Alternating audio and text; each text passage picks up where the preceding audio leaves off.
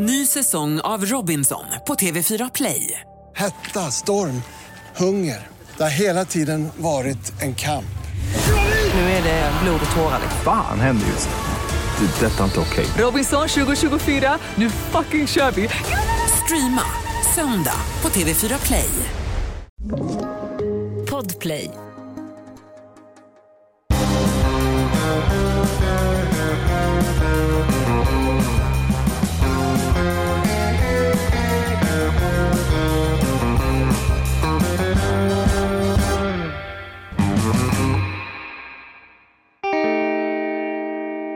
Välkomna till krimpoddarnas krimpodd Över min döda kropp med mig Anna Jinghede och Lena Ljungdahl.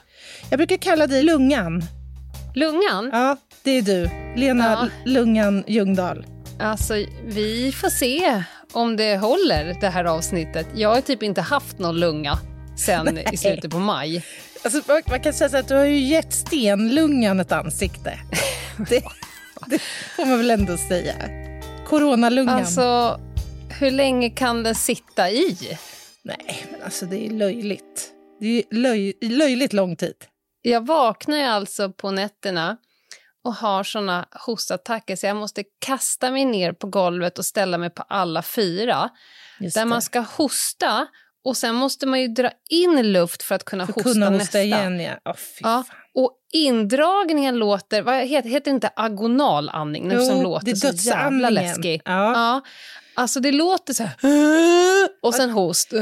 Det är lite mer stridor, tror jag. Ja, det låter fruktansvärt. Och sen efteråt så får man på ett väldigt värdigt sätt torka slem från den nedre, eh, nedersta delen på sina eh, sovrumsgardiner. Som hänger där.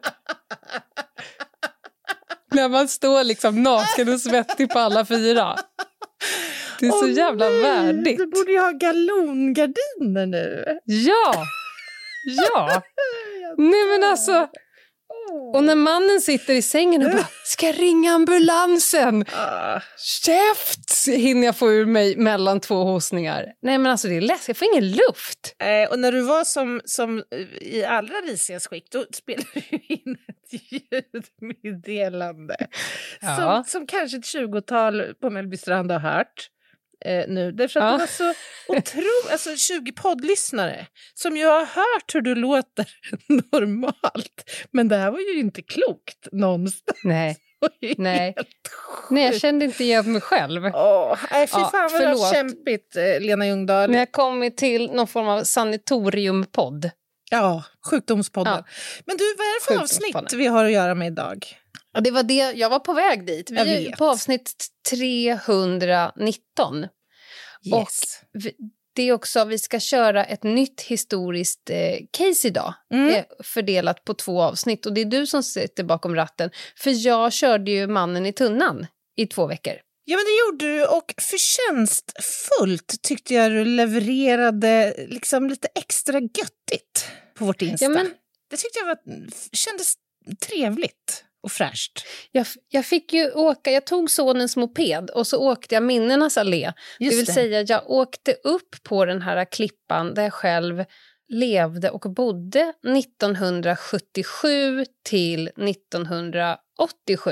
Mm. Så jag fick ju åka upp dit igen för att ställa mig på exakt den platsen där den här eh, ladan eh, var belägen. Och då träffade jag två tanter där och de sa oj vad, vad är du fotar och filmar? Och så började jag prata med dem. Ja, men jag, jag håller på med en podd med en kollega och vi ska göra ett avsnitt om ett mord som har varit här på Klippan. Och då visade det sig att de här tantalurerna också bodde där 1977. Så vi Nej. satt ju och pratade liksom om hur det var då, hur det var nu och hur det då var 1901 när det här begav sig. Så det var ganska roligt. Läckert. Läckert. Mycket. mycket. Men nu släpper vi det. Det gör vi. Och sen så tar vi oss an då veckans och nästa veckas case. För det här blir lite samma upplägg. Det blir två avsnitt och det kommer levereras content på Instagram-kontot som vi har. Eh, och den här veckan, eh, Lena, så kommer vi inte befinna oss i Stockholm. Utan Men det känns bra. vi ska abroad, som du brukar säga. Jag trodde du skulle till Örebro. Hade du valt något i, din, i ditt gamla kvarter? Ja, det är ju som utomlands. Herregud, ja. så exotiskt. Nej, vi ska till London och vi ska där kika lite grann på ett av den brittiska kriminalhistoriens mest uppmärksammade fall. Alltså, jag skojar inte. Det här caset har skildrats i ett 40-tal, har jag räknat till, böcker och filmer. Är det Jack the Ripper? Burner. Nej. Inte? Det är det inte. Vi ska stifta bekantskap med Dr. Holly Harvey Crippen. Åh oh, gud, vilken tungvrickare. Ska du kalla honom för det hela Nej, avsnittet? Det, han kommer få kallas Dr. Crippen. HC? H ja. Okay. Mm. HHC. Nej, vi ska alltså tillbaka till 1910-talet och lära känna då Dr. Crippen som inte föddes i, i England eh, eller London för den delen, utan i USA, i Michigan. Han var alltså amerikansk läkare med examen i homeopati och han var öron och ögaspecialist. Och det här med homeopatin var ju väldigt stor vid den här tidpunkten. Än så länge så fanns ju inte så mycket eh, forskning att luta sig mot. Inte heller eh, vad ska jag säga, vederhäftiga läkarutbildningar eller ens Nej. definierat vad en medicinedoktor förväntades eh, kunna och skola göra, så att säga. En frifräsa? Ja, men det var ju lite så. Det som vi idag förhåller oss till som alternativmedicin var ju det som liksom dåtidens läkare till stor del ägnade sig åt i brist på liksom bättre vetande egentligen. Och, och mycket fungerade säkert på något sätt för någon. Mm. Nåväl, Crippen hade flyttat då eh, 1887 från USA till London och hans inriktning här då i den homeopatiska världen det var framförallt att framställa och sälja eh, läkemedel av olika mm. slag. Eh, han hade varit gift en gång med Charlotte Jane eh, med vilken då han hade fått en son. Men dessvärre så dog hans första hustru tragiskt i en eh, hjärnblödning eh, ganska tidigt. Eh, men det skulle inte ta så värst lång tid innan han mötte sin andra blivande fru. Eh, och det är då den 11 år yngre Cora Mersinger. Och det här är en kvinna som beskrivs som hans första frus raka motsats. Hon var extremt temperamentsfull, eh, hade ett eldigt temperament och hon hade en djup fäbless för flådiga kläder, korsetter och smycken nacken. Och så här. Hon var liksom Jaha, lite, tackar. lite extra allt. Och, och, omvänt så var ju då Harvey Crippen mer eh, karaktäriserad som, eller beskrivs som en väldigt lugn och timid och eh, ja, mysfarbror mer. ja. ja. De hade ju också vitt skilda intressen, makarna här. Eh, Crippen ville ju naturligtvis göra sin karriär inom den medicinska, på den medicinska arenan medan hans hustru drömde om att få stå på de stora scenerna skådespela eller ännu hellre göra karriär som operasångerska. Det fanns bara ett litet problem här och det var att hon var totalt fri från talang. Mm. Alltså hon hade absolut inte bra förutsättningar oh, för att lyckas med något av Hade hon coronalunga också? Ja, kanske. Jag känner med henne. Idag kanske man skulle kunna tänka sig att man skulle anlita en sångcoach eller vad vet jag, någon som kunde guida en lite. Men liksom de här möjligheterna fanns ju inte då. Så det Cora gjorde då istället det var att söka sig till varietéarenorna, varietéscenerna mm. i, i Londons innerstad. Så vad är egentligen varieté? Jag vet ju så att säga vad det är, men jag har så svårt att... Jag tänker att vi kanske har lyssnare här som undrar, undrar om man ska googla? Jag ser framför mig en blandning av lite... Gud, nu känns, nu känns det som att Ja, nu känns det som att man är på väg in i ett otroligt farligt snår. Nu kommer vi få så jävla mycket mejl från allt... Ja, ja, ja, jag bromsar in det jag tänkte säga. Berätta för mig, Ja, vad är det för någonting? Jag vände mig till, jag frågade internet. Mm. Varieté är ett scenframträdande med blandad underhållning. De- Den kan Mm. omfatta trolleri, knivkastning, jonglering, akrobatik, utbrytarkonst och liknande scenkonster. Ja, men så när Karolina Häckner drar en kodis genom näsan till mun, då är inte långt ifrån. Vi är Det där och vevar. inte. Vi är, vi är den Och sen så lådan. står någon och jonglerar med någon, med någon gamla äpplen i ett hörn. Just det. Det är typ där. Det är Stefan och Christer Goes Cirkus Cirkör. Ja, men faktiskt. Ja. Absolut. Där är hon, Cora. Där, det är där hon är under shownamnet Belle Elmore.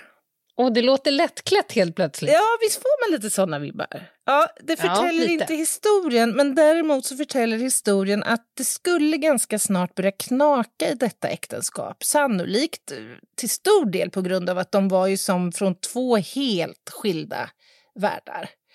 Eh, och de bråkade och de hade äktenskapliga gräl Eh, om vartannat.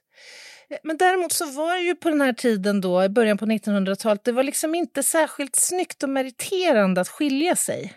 Och det var svårt. Alltså det var inte som idag att man skickar in något papper till vad det nu är, skattemyndigheten.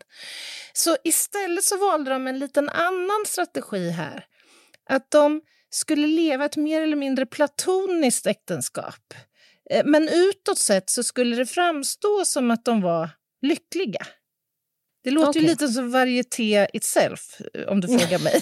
Faktiskt, man nu skulle Ja. lyckas med detta. Hellre kasta kniv, säger jag. Ja, men, men innanför dörrarna då så var ju Cora med sitt eh, starka temperament eh, ganska, ganska svår att hantera om man ska tolka historieböckerna rätt här. Och hon Mhm. hotade inte sällan med att lämna honom om han inte, att, alltså att ändå framtvinga en skilsmässa om han inte gjorde som hon sa. Så att känslan är här att hon ställde ganska höga eh, krav på sin make. Och detta bland Okej. annat genom att bränna en stor del av deras inkomster på just smycken, korsetter och pälsar och kläder och allt möjligt. Ja. Ja. Och dessutom så hade Cora börjat träffa en annan man. En boxare vid namn Bruce Miller. Eh, så att Mm. här någonstans så kan man se att hon, ja, hon är inte hemma mycket. Istället lägger hon mycket tid på sina varietésällskap som hon partar loss med och sen så ligger hon med Bruce Miller. Ungefär så man kan förstå det okej. hela. Mm. Mm. Det hände förvisso att paret gick ut tillsammans. Alltså det var ju en del såna här eh, fina välgörenhetsmiddagar och sånt där som han i egenskap av doktor då blev, blev kallad eh, eller inbjuden till. Så det hände att de gick ut tillsammans. Men det, de beskrevs av hela deras omvärld i princip som extremt eh, omaka och det hade också framgått för, för många att det var ett olyckligt och inte särskilt stabilt eh, äktenskap. Mhm. Det fanns, kommer en vändning här, i alla fall för Dr. Crippen och den tänkte jag berätta om efter pausen. Ny säsong av Robinson på TV4 Play. Hetta, storm, hunger. Det har hela tiden varit en kamp. Nu är det blod och tårar. liksom. Fan händer just. Det. är Detta är inte okej. Robinson 2024, nu fucking kör vi! Streama söndag på TV4 Play. Ett poddtips från Podplay. I podden Något Kaiko garanterar östgötarna Brutti och jag, Davva, dig en stor dos skratt. Där följer jag pladask för köttätandet igen. Man är lite som en jävla vampyr. Man har fått lite blodsmak och då måste man ha mer. Udda spaningar, fängslande anekdoter och en och annan arg rant. Jag måste ha mitt kaffe på morgonen för annars är jag ingen trevlig människa. Då är du ingen trevlig människa, punkt. Något Kaiko, hör du på Podplay. Därför är gardinerna. Välkomna tillbaka, kära lyssnare, till krimpoddarnas krimpodd Över min döda kropp och avsnitt 319. Anna Jinghede håller nu på att eh, ta oss igenom ett case som utspelar sig 1910 i London. Och du pratade om att eh, doktorn skulle få lite Lisa för själen. Eller Ja, något liknande. Det, det är nog ganska bra formulerat, eh, Lena. Det var ju så att han hade ju en liten eh, mottagning, eh, eller vad ska man säga, ett litet eh, medicinskt, så att säga, ja, där han klinik. jobbade, ja, precis, en klinik.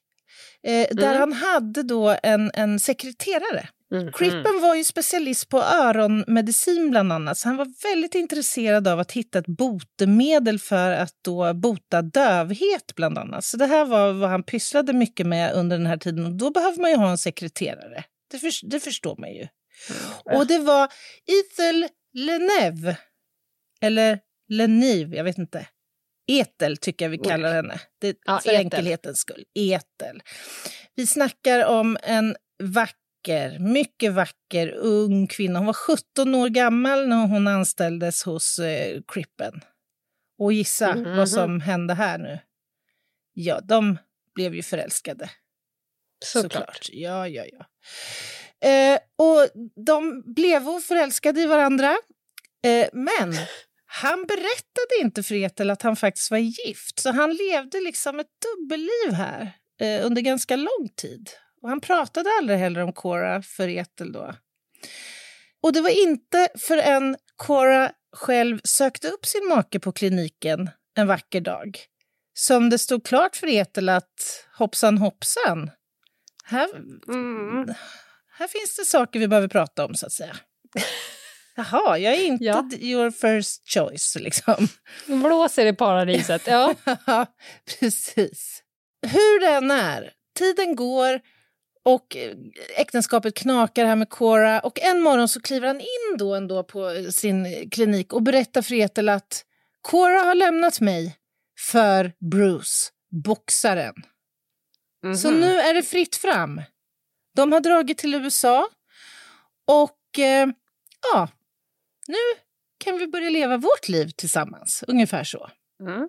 Det var bara det att eh, i Coras närhet då på varietén och liksom i hennes eh, vänskapliga falanger så hade det börjat cirkulera eh, lite rykten. Och man hade mötts eh, av liksom andra historier om var Cora befann sig.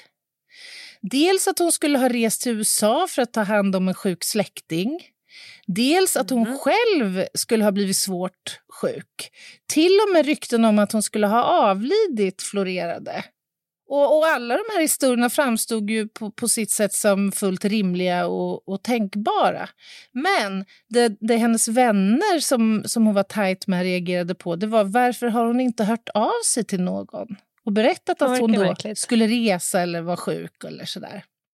Det vännerna gjorde då det var ju att kontakta Dr. Crippen och efterfråga lite information om vad är det som har hänt här och varför har hon inte hört av sig och sådär. Men det vill han inte eh, bemöta. Han drog sig undan, han undvek eh, samtal med de här vännerna och öppnade dörren när de kom och knackade på. Han kunde inte heller berätta då för dem han hade sagt att hon hade rest till USA för vilken båt hon hade rest med. Eller för den delen för dem han hade sagt att hon hade avlidit när detta skulle ha skett. Så det här var ju lite lurt, så att säga. Mm. En kort tid senare så sågs doktorn och Ethel tillsammans för första gången då offentligt kan man säga, som par betraktat, på en välgörenhetsgala. Och eh, då bar Ethel Coras smycken, vilket flera i deras bekantskapskrets reagerade Smidigt. på. Ja, och det, det var ju opassande kan man ju tycka. Alldeles oavsett vad som hade hänt Cora här så var det ju, även om det hade haft en naturlig orsak så att säga, så var det ju ganska Mm. opassande. Men alltså jag tänker så här, om man nu har någonting att dölja, låt säga att, att Crippen har fört bort Cora eller det kommer, ju snart, det kommer vi snart avslöja vad det är som har hänt såklart, men är det inte i så fall jädrigt klumpigt och klantigt att så att säga dressa upp sin nya flickvän i kläder och Mm. smycken tillhörandes eh, sin exhustru? Tänker du här att Dr. Crippen tänkte, lät så att säga järnkontoret mest styra sina beslut här nu? Eller?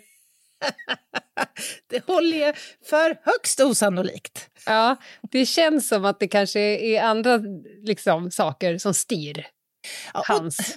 Ja, och när du säger Lena, både du och jag har jobbat med ett antal mordfall. Det är ju Mm. faktiskt inte så sällan som man i liksom en utredning ställer sig frågan men varför skulle han bete sig si eller så? Alltså det är ju inte rimligt att man skulle göra det. Och så visar det sig i slutändan att jo, han eller hon gjorde just det där dumma som verkar så otroligt klantigt. Mm.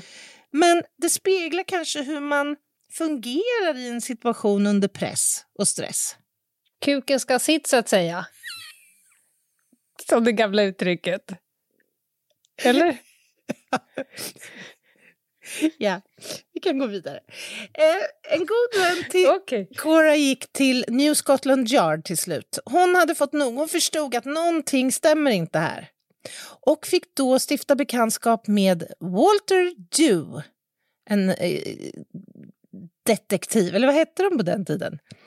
Police ja, detektivkommissarie var ju i, i eh, Mannen med, i tunnan i alla fall. Just det var det. ungefär vid samma år. Men jag vet inte vad de hette i Scotland Yard. Nej, Det var säkert något flådigt. men Walter Dew kan jag bara berätta är inte vilken eh, klåpare som helst. Så att säga. Det här är en, en skicklig detektiv. Alltså. Han jagade bland annat Jack the Ripper under lång, Okej. lång, lång tid och beskrivs eh, som en av de absolut vassaste spaningsledarna vid den här tiden. Det är coolt. Ja, det är coolt.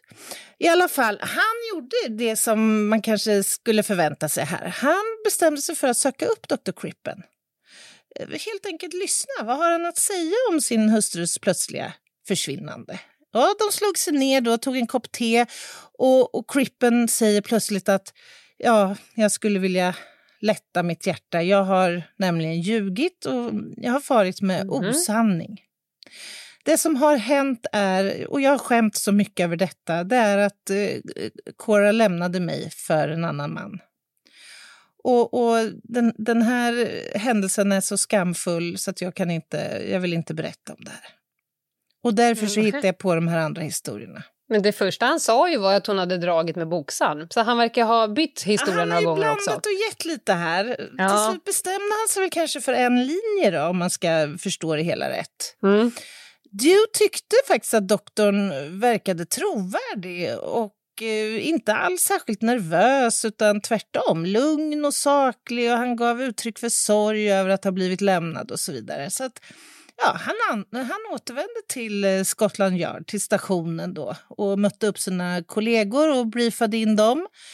Eh, de beslutade sig för att vidta några liksom, sista åtgärder innan de fimpade ärendet. Bland annat så ville de kolla upp några datum som hade florerat här, både som Crippen hade nämnt och som eh, vänner hade plockat upp. Mm. Eh, men du behövde lite mer kompletterande information så han bestämde sig för att återvända hem till doktorn dagen därpå. Men då visade det sig att han är försvunnen. Och det var ju lite suspekt. Han stod inte att finna. Nej. Så det man gör då, det är att söka igenom huset. Mm. För nu hade vi ju två här, nu var båda makarna Crippen spårlöst försvunna helt plötsligt. Så man bestämde sig för att göra dåtidens husransaken. Lena, vill du säga något om nutidens husransaken? Ja, det kan jag göra. Det finns lite olika. Eh, inom ramen för en brottsutredning så eh, står de husrannsakan i rättegångsbalkens 28 kapitel. Och då är det ju antingen den så kallade reella eller den personella. Där den reella husrannsakan, då letar man efter prylar.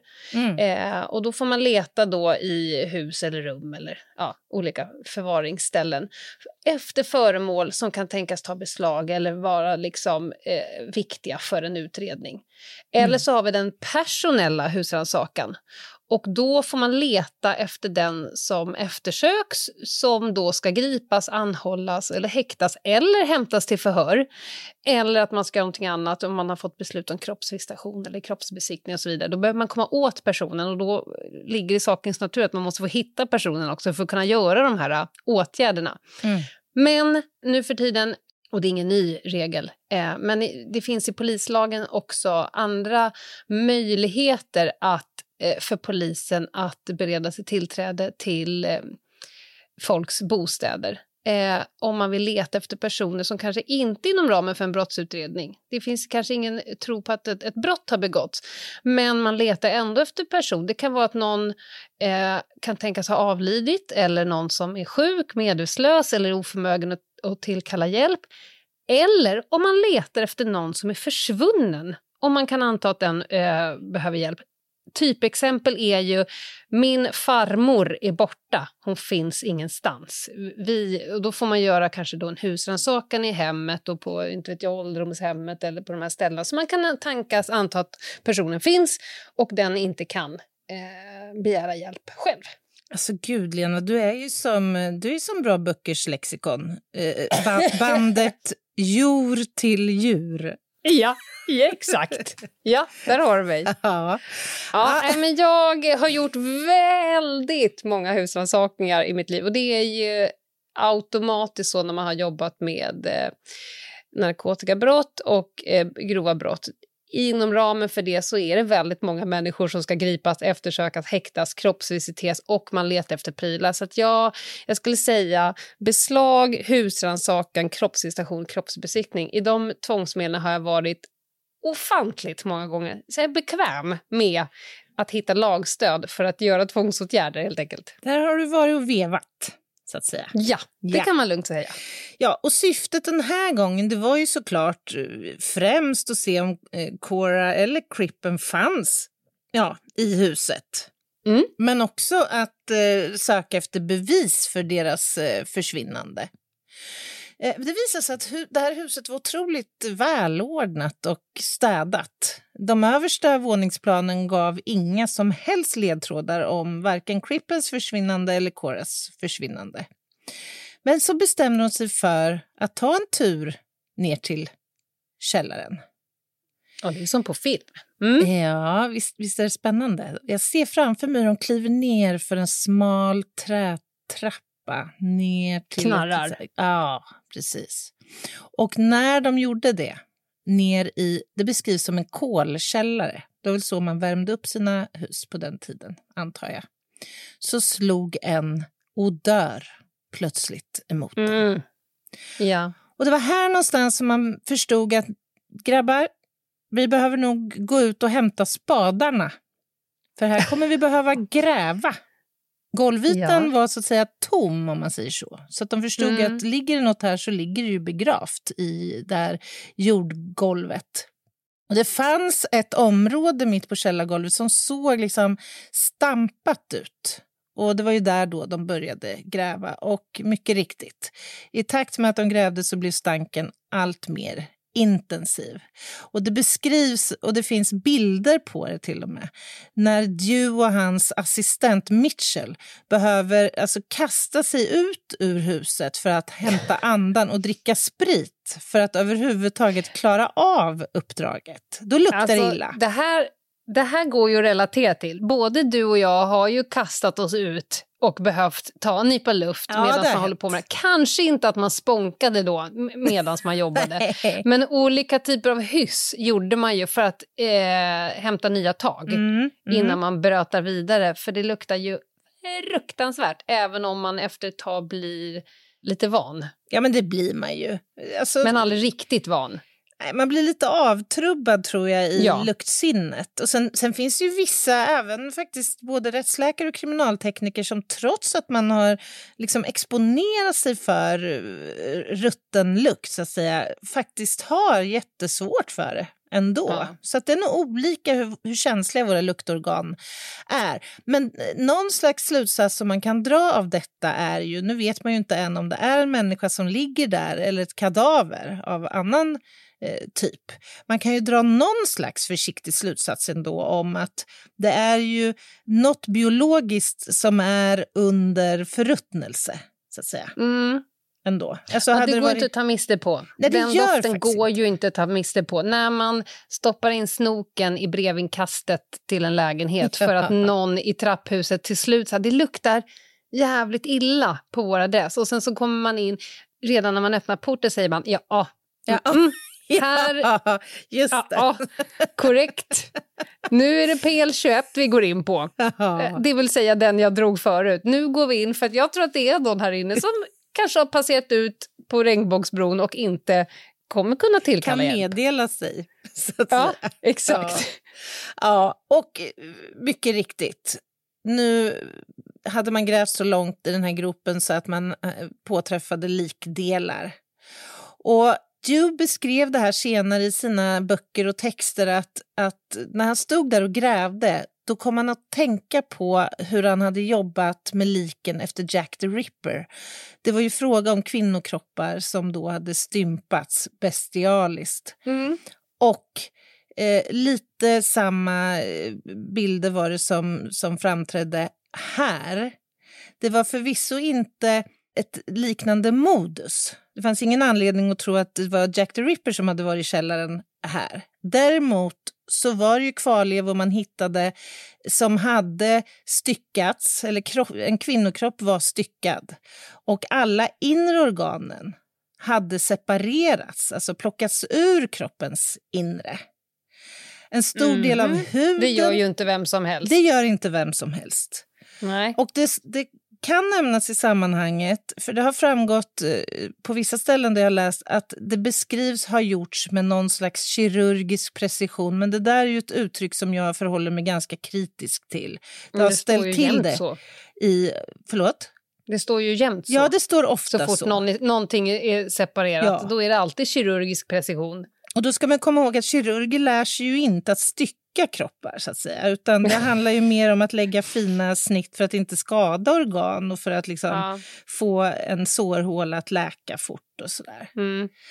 Huden hade karvats bort på stora delar av, av kroppen. Och det som var Mhm. lite anmärkningsvärt här var att det fanns inte en enda benbit kvar i den här ja, graven, om man kallar det så. Jesus, det är väldigt många ben.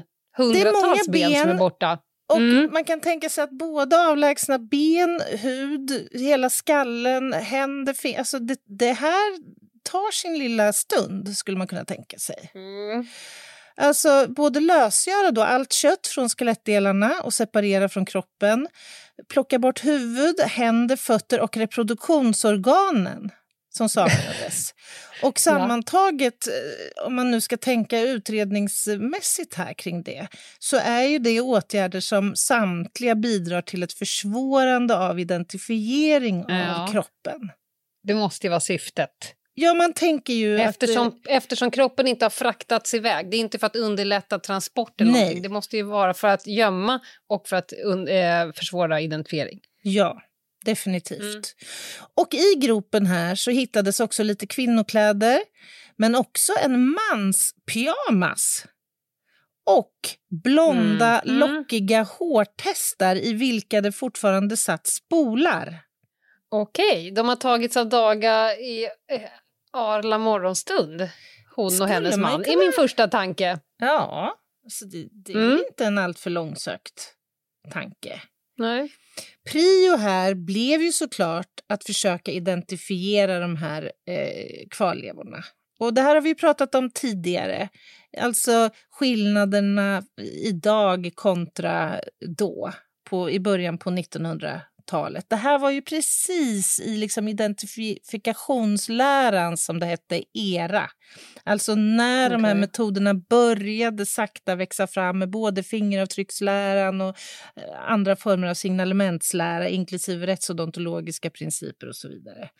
Men här hade man ju inte, man hade ju inte röntgen, man hade ju inte liksom digitala varianter att luta sig mot eller kemiska, genetiska analysmetoder och så vidare. Så att här handlar det ju om den visuella eh, jämförelsen, principen. Att försöka hitta Mm. särdrag på kroppen eh, som kunde jämföras mot foton eller mot eh, vittnesskildringar från, från andra. Tillhörigheter, inskriptioner, allt det där. Och eh, jag antar att vi är på väg in i det arbetet, hur man eh, med hjälp av de här grejerna som du nämner eh, ändå skulle kunna identifiera en eller två personer som är borta. Och det kommer du att få redogöra för efter pausen. Ny säsong av Robinson på TV4 Play. Hetta, storm, hunger. Det har hela tiden varit en kamp.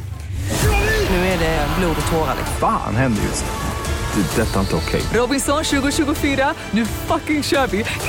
Streama söndag på TV4 Play. Ett poddtips från Podplay.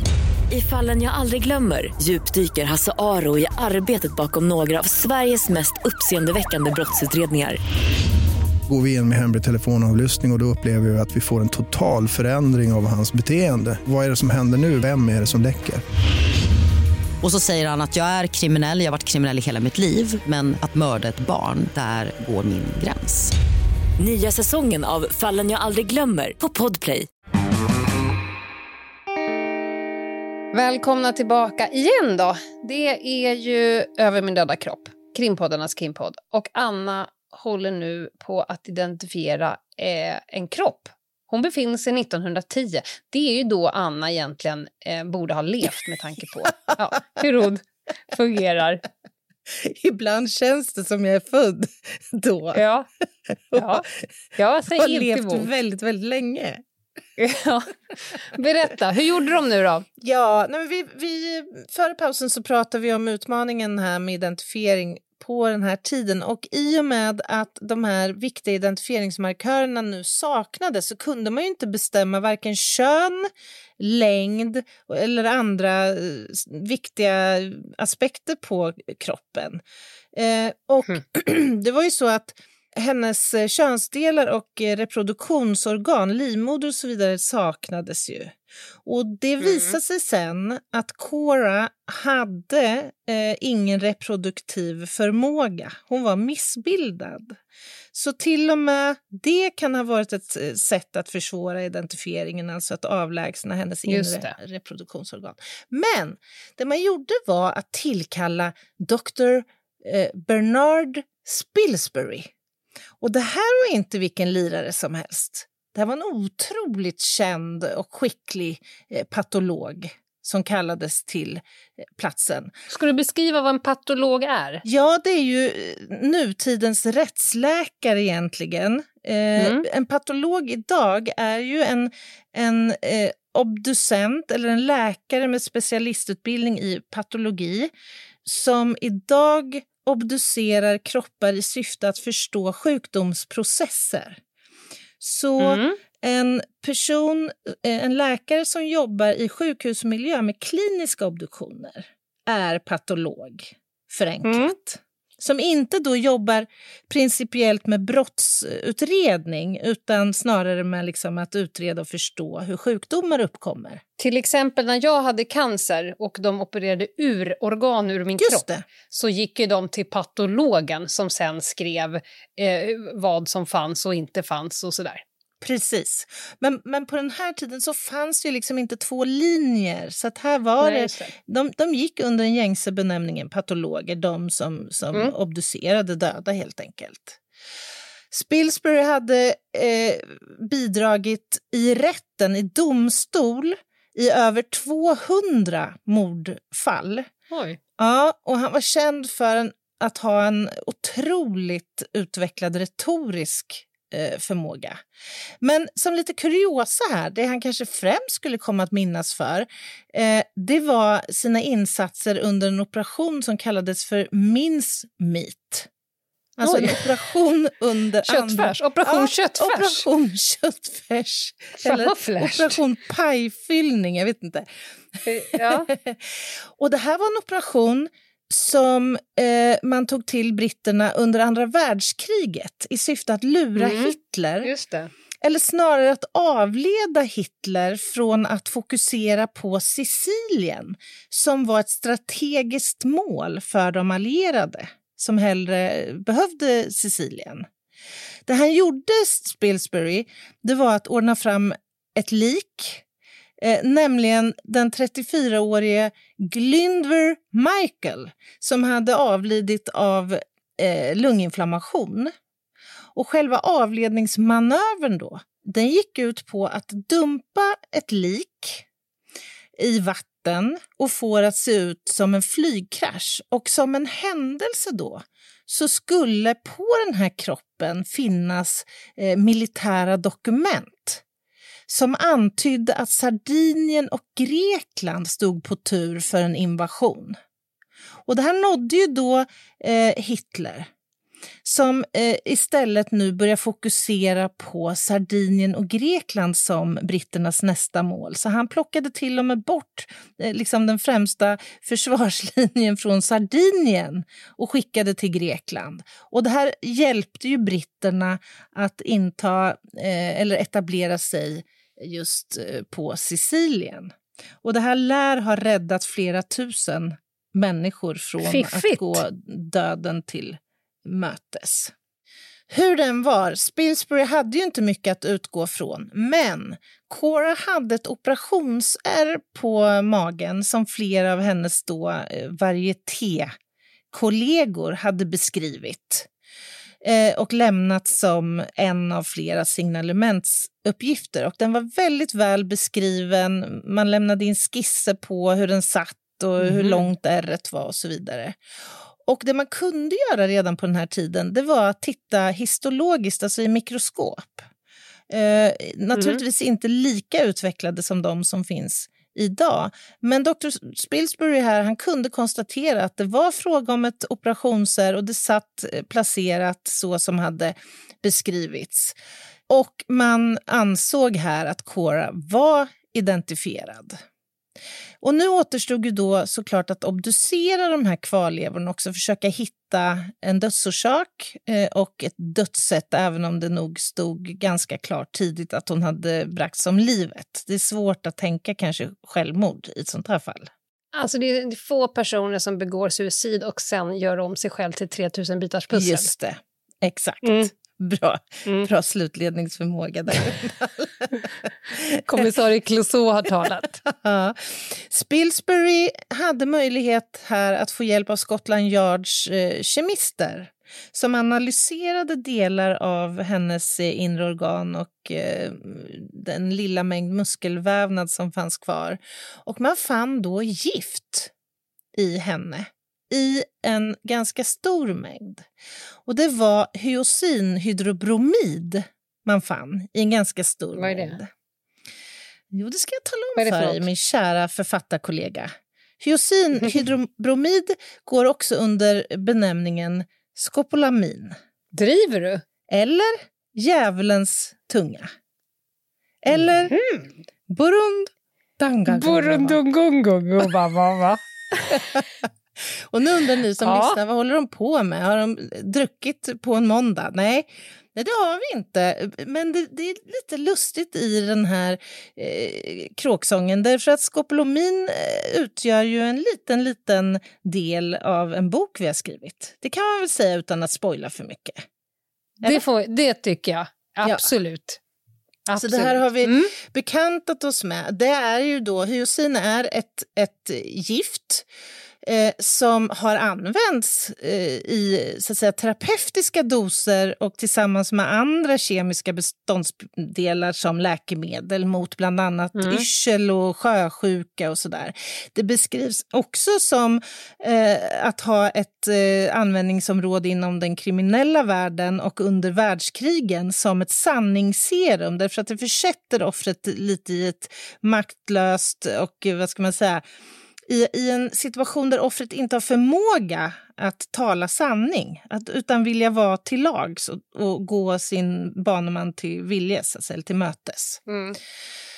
Det kommer från ett gäng potatisörter, potatisväxter som till exempel spikklubba, bollmört med flera. Men ska vi bara uppehålla oss lite kort kring varför man väljer att mörda någon med gift? Det kan vi absolut uppehålla oss till. Det är ju alltid spännande. Ja, visst är det det. Har ju något, det är lite kittlande ändå med de här giftmorden, historiska. Det känns ju lite sofistikerat, får jag säga så? Ja. Men, men själva motivet måste ju vara... Kanske om man inte har ett eget våldskapital, då är det kanske lättare att jobba den vägen. Att, Mm. att eh, göra så att kroppar blir satta ur spel eller eh, omtöcknade eller till och, med, till och med dör av själva eh, medlet. Men det är väl också, tänker jag, för att försvåra utredningen. Ja, definitivt. Eller? definitivt. Mm. Det här är ju vanskligt. Verkligen. Idag finns det ju väldigt bra screeningmetoder och man testar rutinmässigt för ett stort antal. Men det är fortfarande så att många av de här gifterna inte ger tydliga uppenbara postmortala förändringar eller fynd som tidigt liksom leder en in på det spåret. Så Mm. det är faktiskt ganska utmanande även för, för nutidens rättsläkare. Och vissa gifter har ju varit mer populära än andra genom historien. Cyanid till exempel. Det fanns en det. tid för många hundra år sedan när ormgift var väldigt populärt. Alltså, man kan ju tänka sig att man har utnyttjat det naturen liksom har givit under Mm. årens gång. Och i det här fallet, om det nu är Dr. Crippen som har haft ihjäl hustrun här, så skulle man ju kunna tänka sig att det är dumt att inte gräva där man står så att säga. Ja, nu tänker inte jag Just. på hans källare utan nu tänker jag rent så här kunskapsmässigt vad man skulle kunna tänka sig Ja. att använda för metod. Han var ju väldigt skicklig på läkemedel och sannolikt även på eh, gifter och olika typer av växters eh, effekter och så vidare. Och som en liten cliffhanger nu inför Mhm. nästa veckas avsnitt så visade det sig när man frågade runt på byn att Dr. Crippen hade införskaffat hyosin ett stort antal gånger hos den lokala farmaceuten för sina homeopatiska preparatexperiment som han ju ägnade sig åt till vardags. Ja, nu är vi han på spåren, Anna. Nästa vecka då eh, kommer du få fortsätta beskriva hur man gjorde för att komma fram till sanning och om man ens gjorde det. Eh, jag är ju nyfiken på den här pyjamasen också, till exempel. Mhm. Det kan det vara. Mm. Det kan jag vara. Det blir nästa vecka. Jag kommer snart bruna ur på en rövhatt här, men har vi någon samhällsinformation? Ja, det har vi faktiskt. Jag skulle vilja säga så här att nästa vecka, eh, när Anna kör avsnitt två av det här, det är den 13 juli. Det är också samma dag som våran eh, tidigare nämnd eh, bok, Någon måste dö, kommer att komma ut i pocketform. Ja, den är så fin också, vill jag Ja, bara den säga. är så fin. Ja. Fick hem en kartong, tog upp, klämde och kände. Det är något stort med att ens bok nu har nu, har nu getts ut på pocket. 13 juli släpps den. För er som inte redan har läst den är det väl ta mig fan hög tid med tanke på att ett, vi vann årets debut för den och två, vi sitter och sliter våra hår eh, för att eh, skriva på uppföljaren med samma härliga karaktärer. Så att nu har ni på er sommaren och hösten. ja, och tre, den är jävligt bra också. Mm, exakt, det var ju precis det. Det var ju precis det. Och eh, varför säger jag det här? Jo, för att 13 juli, om en vecka ganska exakt, så kommer eh, vi bjuda på en liten happening kring boksläppet. Och det kommer väl kanske framförallt beröra er som är Stockholmsbaserade eh, av naturliga anledningar. Men all information om detta kommer att komma på Instagram. Så för er som inte redan följer oss där så heter vi Ljungdahl och Ginghede. Där hittar ni all information om så. Och det är också där du kommer lägga ut massa sidomaterial kring det här caset va? Du nämnde om det fanns lite bilder på när de gick ut och drack sprit mellan husrannsakningarna där. Jajamän. Jag skulle vilja berätta också att vi har en mejladress. Ja. och den heter hej at ljungdahl och. Ja, där satt den. Men du, jag är eh, så spänd på om du från ditt sanatorieläge så att säga har haft möjlighet att stifta bekantskap med någon rövhatt de sista fem-ish veckorna. Det har jag och den kommer här. Lenas rövhatt. Jag har faktiskt en hel tjock lista. Jag har varit lite, eh, ja, men jag har varit lite sur på senare tid. Men jag tror att det är en blandning av sjukdomstillstånd, att jag är en person som tycker halvdåligt om människor. Jag tycker halvdåligt om min kollega Anna Jinghede tid för annan. Men framförallt så tycker jag inte om sommaren. Och allt det här, när det hamnar i Zenit så får jag mycket eh, underlag till rövhattar. Och det kommer ju gynna er under hösten. Men eh, top of mind nu, för det var en sak som hände här när jag var på toaletten innan eh, vi började podda. Då hade jag min telefonmaskin i min hand eh, och sen så exponerades för en sak som fladdrar runt på Instagram. Jag vet inte om du har upptäckt samma fenomen, men jag är mer förundrad nu än arg. Jag kan eventuellt levla till arg om det är så vad dumt som jag tror. Aha. Har du sett de här olika reklampuffarna eller kontona där det är så här... Eh, du måste ta den andra personen i din tagglista med till det här resemålet. ja. ja. Kan vi, prata bara, kan vi bara bromsa, ja, kan vi bromsa in lite här? Mm. Ett, varför? Och Mm. två, vad är det för jävla dumhuvuden som då trycker på... Ja. Själva grejen är ju så här, det är en reklam för någonting, det fattar vem som helst. De vill ju att man klickar. Mm. Eh, Det är klart. och, det, och då väljer de så här, hur ska vi få människor att klicka? Jo, människor är ju per se dumma huvudet, det vet vi alla. Homo sapiens, va- klotets sämstart. Om vi skriver något sånt här lite kittlande, att nummer två, eller ska vi ta tre, Berit? Ska vi ta nummer tre på tagglistan idag? Varför inte nummer ett? Ja, ska, måste du och det är också så här, måste du ta med på den här upplevelsen, den de då vill kränga? Det kan vara Mm. resa till Bora Bora, det kan vara köpa någon jävla stolpiller, inte vet jag vad det är de vill kränga Ja, på ja, en. ja, det kan variera. Ja, men upplevelsen ska då delas. Då är själva grejen att om du trycker då på, på lilla snabel A-grejen, den du själv trycker på, om, du vill om jag till exempel vill skriva någonting och så vill jag tagga Anna inlägget, då gör jag ett snabel A. Då får jag ju då scrolla mig igenom lite folk. Och de man ofta eh, använder sig har kommit högt. Mm. Men vad är själva grejen? Då ska jag trycka på A. En produkt som jag inte vill ha ska jag då trycka på A. Så Först måste du också fundera på vem fan skulle jag kunna tänka mig? Ja, exakt. Och det är noll personer, mest troligt. Och så trycka på lilla A och så hamnar då kanske, i mitt fall så kan det vara precis random person därför att vi svarar ju på så mycket olika PM och Mm. DMs och så vidare. Så att mest troligt så är det ju en person här som man inte har en jävla aning. Tänker de då att jag ska höra av mig till den personen? Du bara, Tjena Karin från Säffle. Jo, det är så här att jag Det måste... kan vara så att du och jag ska ut och Ja, jag måste eh, gå och se GES reunionkonsert på Valhalla tillsammans med dig den 13 juli. Ja, dra på trissor. Då får vi väl göra det då. Alltså, de kan, nu kommer ju själva... De kan ju inte sälja en enda produkt mer med hjälp av denna otroligt konstiga arbetsmetod. Alltså, Vem trycker på at och för att titta vem som är trea? Alltså det kanske sitter någon jävel där ute och bara tänker fan det här är ju en opportunity of lifetime.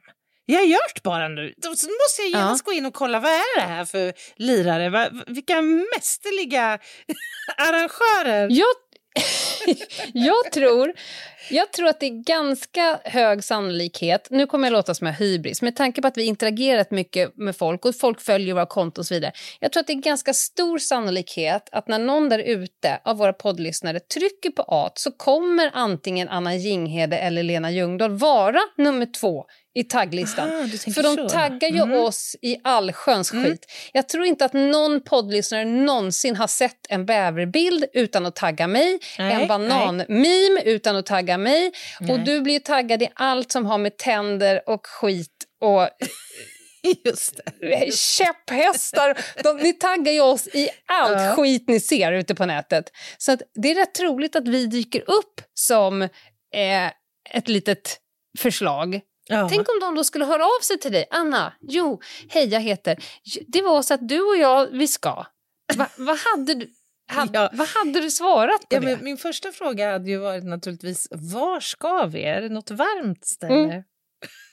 det finns ändå, so there Ja, is a chance. So there is a chance, uh, definitely. Ja, du har ju skaffat vänner på konstigare sätt än så. Det räcker med att gå fram till dig på Ica och bara du, jag vill gifta mig med dig. Jaha, men när hade du tänkt att detta skulle ske? Din första fråga. Oh, Nej, jag tycker att det är så intressant. konstigt. Men är det, samma, är, det, är det här samma fenomen som, som det här andra som jag sett väldigt extensivt nu på Instagram? Nämligen, om du taggade den här posten, då har du vunnit ett presentkort. Ja.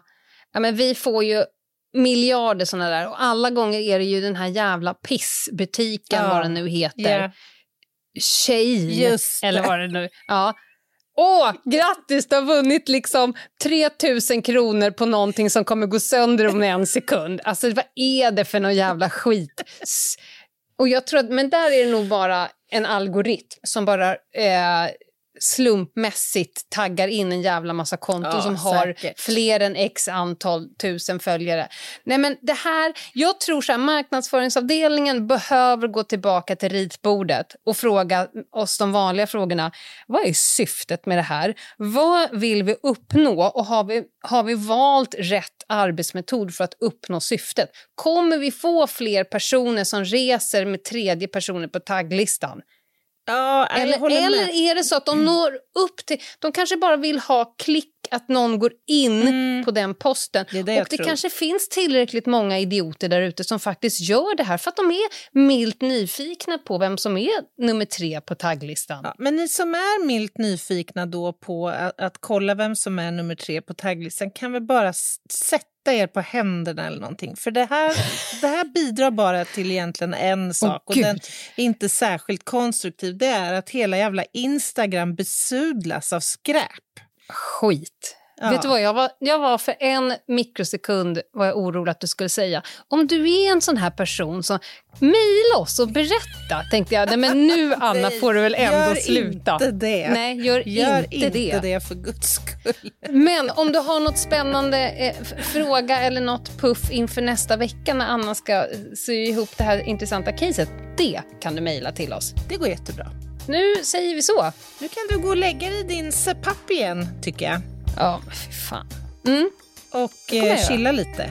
så hörs vi nästa vecka. Det kommer vi göra. Ha det bra. Bye, bye. Bye, bye.